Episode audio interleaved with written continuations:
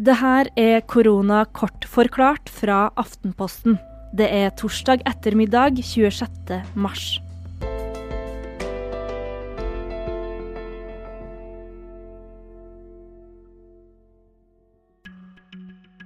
Nye tall fra Helsedirektoratet viser at 266 koronasmittede nå er innlagt på sykehus i Norge.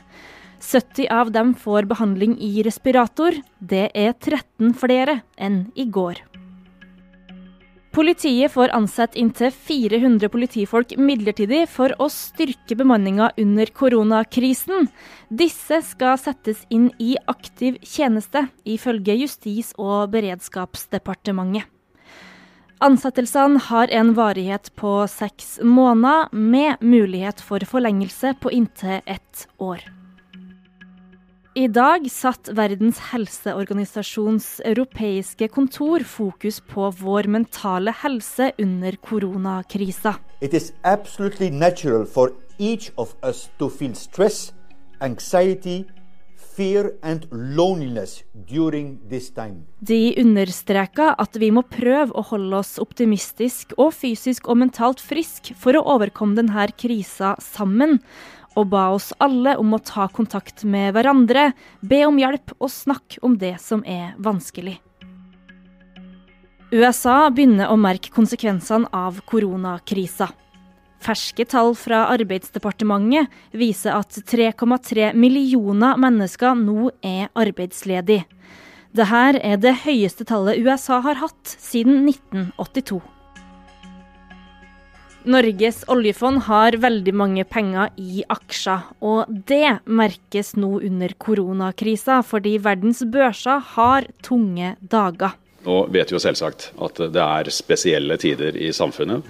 Det er spesielle tider i økonomien, og det er også spesielle tider i verdens finansmarkeder. På en pressekonferanse i dag sa sjef Yngve Slyngstad at fondet har hatt en negativ avkastning på 16% så langt i år. Med andre ord kan man si at koronatapet til oljefondet er på 1330 milliarder kroner, målt i internasjonal valuta. Men Slyngdal virker ikke veldig urolig for at nordmenns felles sparepenger skal fordufte. Dette er innenfor forventningene eh, og noe vi eh, eh, har vært forberedt på i en god stund. Sigurd Bjørnestad, du er journalist her i Aftenposten. Hvordan vil våre felles sparepenger i oljefondet påvirkes av den krisen verden er i nå? Eh, verdiene av oljefondet vil påvirkes ganske mye, fordi verdens børser har jo falt med nesten 25% siden årsskiftet. Og dermed har det vært en negativ avkastning i oljefondet på minus 16 hittil i år, og på 1300 milliarder kroner ned.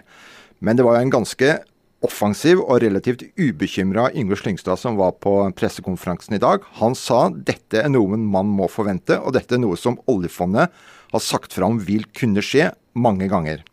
Dessuten så er det jo sånn at uh, dette vil ikke påvirke bruken av penger på statsbudsjettet i det hele tatt. Eh, fordi det er påvirka av eh, størrelsen på oljefondet. Og oljefondet ligger jo der som en buffer mellom aksjemarkedene der ute, der det nå er dårlig stemning, og statsbudsjettet her hjemme. Så den økonomiske politikken vil fortsette som før.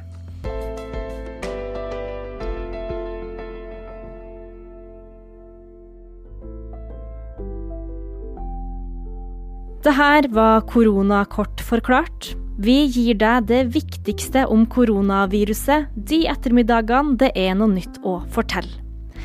Jeg heter Fride Næss Nonstad, og hvis du har spørsmål eller tilbakemeldinger, er det lettest å nå oss på Facebook-sida Forklart.